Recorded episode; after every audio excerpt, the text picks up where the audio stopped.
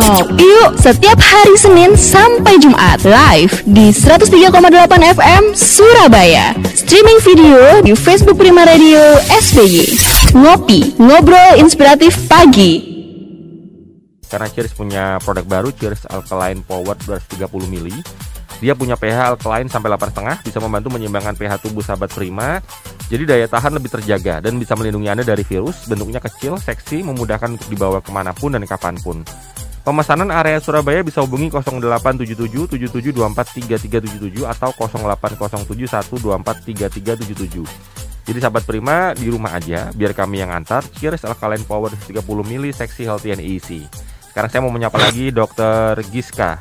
Dokter Melia Giska. Halo, Dokter Melia Giska. Iya, halo Mas, selamat Oke, pagi. Ini suaranya udah better banget. Baik, tadi kan saya nanyain tentang gangguan pencernaan pada anak itu biasanya karena mungkin salah makan ya, bahkan termasuk orang dewasa yang kadang salah makan, teman pun dimakan kadang ya dok ya. Iya bener, makan teman tuh bu- buat lebih sakit loh. Ini kok dokter ngomongnya kayak mantep banget apa pernah dimakan dok sama temannya? Jangan sampai lah ya. Oke dok, ini ngomongin tentang gangguan pencernaan, pen, eh, sorry pencernaan yang umum dialami sama anak. Itu kalau misalnya kita ngomongin kebutuhan ada jenis ya premier, sekunder, tersier. Nah kalau pencernaan itu apakah ada jenisnya sih dok sebenarnya atau mungkin satu macam aja atau gimana? Silakan dok. Kalau membahas gangguan pencernaan itu sebenarnya ada banyak sekali Mas. Ya. Nah, gangguan pencernaan itu ada yang dari infeksi, non infeksi, atau faktor eh, bahkan infeksi itu ada infeksi bakteri, infeksi virus, non infeksi itu ada kayak alergi atau mengkonsumsi makanan-makanan yang mengandung inflamasi yang menyebabkan gangguan di pencernaannya. Kayak gitu. Nah, salah satunya sekarang yang sedang eh, wabah ini selain COVID di saat mulai musim pancaroba gini adalah gangguan pencernaan diare. Nah, diare pada anak sekarang itu lagi banyak banget.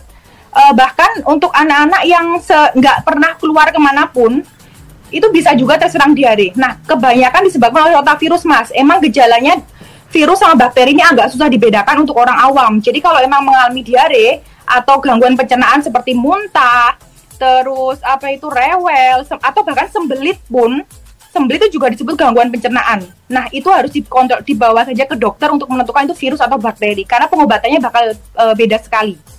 Oke, jadi kalau diambil eh, garis-garis batasnya itu ada yang disebabkan virus, ada yang disebabkan bakteri. Eh, Atau alergi. sorry, alergi. Berarti tiga berarti dok ya? Alergi, virus dan bakteri ya. Itu secara garis besar untuk penyebab gangguan diare ya, Mas ya. Mm-mm. Oke. Ini kira-kira dok, kalau di kayak musim hujan ya seperti sekarang itu yang sering dokter mungkin alami ada mungkin eh, pasien eh, orang tua dan anaknya ke dokter itu yang paling sering mana dok? Virus, bakteri atau alergi di musim-musim seperti sekarang? Kalau musim sekarang yang paling sering tuh virus mas. Ya salah satunya si rotavirus ini. Si rotavirus itu emang kayak gejalanya tuh heboh, tapi dia itu memang eh, biasanya ringan. Maksud saya bisa sembuh dalam satu dua harian atau tiga hari kayak gitu. Beda sama virus bakteri. Tapi yang lagi musim sekarang yang sering kita temuin adalah penyebabnya virus. Oke, virus. Nah, ini dok, kalau misalnya kita pengen tahu nih gejalanya, kadang kan kita orang tua, apalagi orang tua yang baru ya, maksud saya maaf, orang tua yang mungkin baru dikaruniai putra atau putri, jadi eh, istilahnya masih magang ya, belajar menjadi orang tua, masih awal-awal.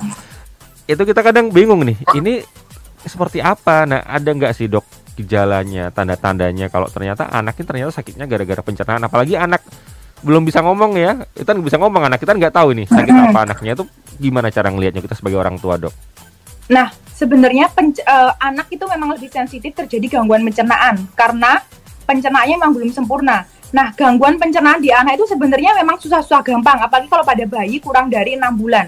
Dia belum bisa ngomong, belum bisa menunjukkan gejala kayak apa memegang perut atau apa. Kita lihat aja di apa itu antara pupnya. Pup kita lihat apakah normal konsistensinya atau berapa kali sehari terus kita pegang perutnya apakah teraba kembung atau apa terus posisi bayinya eh, mas. Jadi posisi kayak dia itu mer- meringkuk kakinya didekatkan dengan eh, apa itu dengan lututnya. Kayak posisi meringkuk kayak gitu.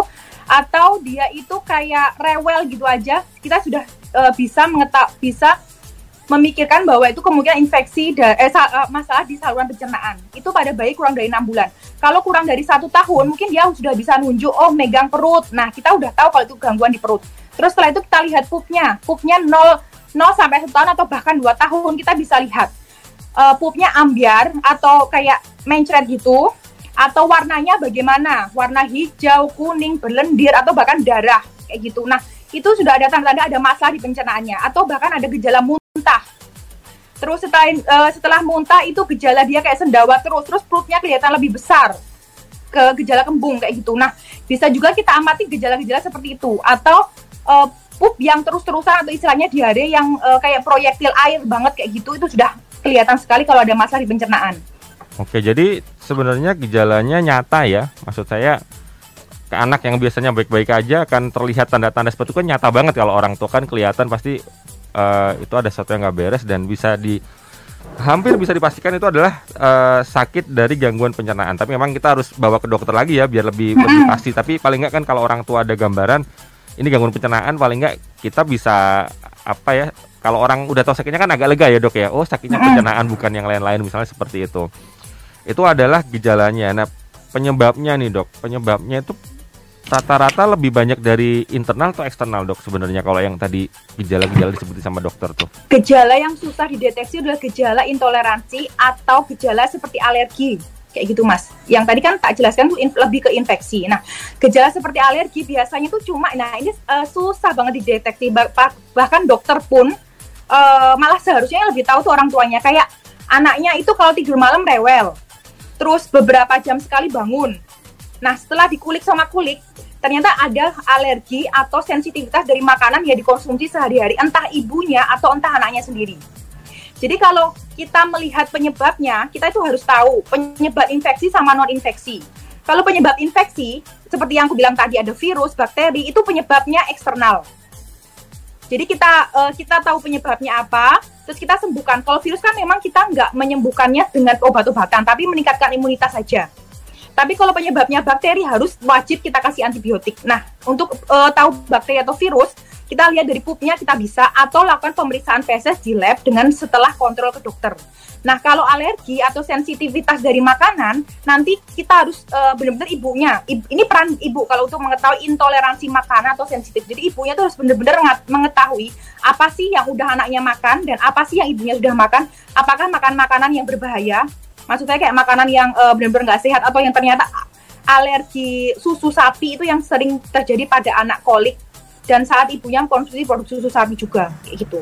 Jadi pengetahu uh, harus tahu dulu penyebabnya infeksi atau faktor dari luar atau faktor dari dalam kondisi anaknya kayak gitu. Untuk mengetahui untuk me menyembuhkan penyebabnya kayak gitu, Mas dari pengalaman dokter uh, dokter tadi dokter Rizka bilang yang lebih susah yang dari internal ya atau alergi dari dalam ya itu lebih suka dideteksi. Kalau luar lebih gampang karena kan nyata tanda-tandanya. Cuman kalau ada pasangan nih gangguan dari luar dok itu gejalanya kok gampang dideteksi ya dok ya? Mungkin suka nah. senyum-senyum sendiri baca WA terus kemudian WA-nya nggak boleh dilihat itu gejalanya ya dok ya kalau ya, pasangan aneh-aneh ya, ya. kita akan balik lagi sahabat Prima kita ada sesi dua lagi tetap di ngopi ngobrol inspiratif pagi sampai jam 10 pagi nanti Ngopi yuk setiap hari Senin sampai Jumat live di 103,8 FM Surabaya. Streaming video di Facebook Prima Radio SBY. Ngopi, ngobrol inspiratif pagi.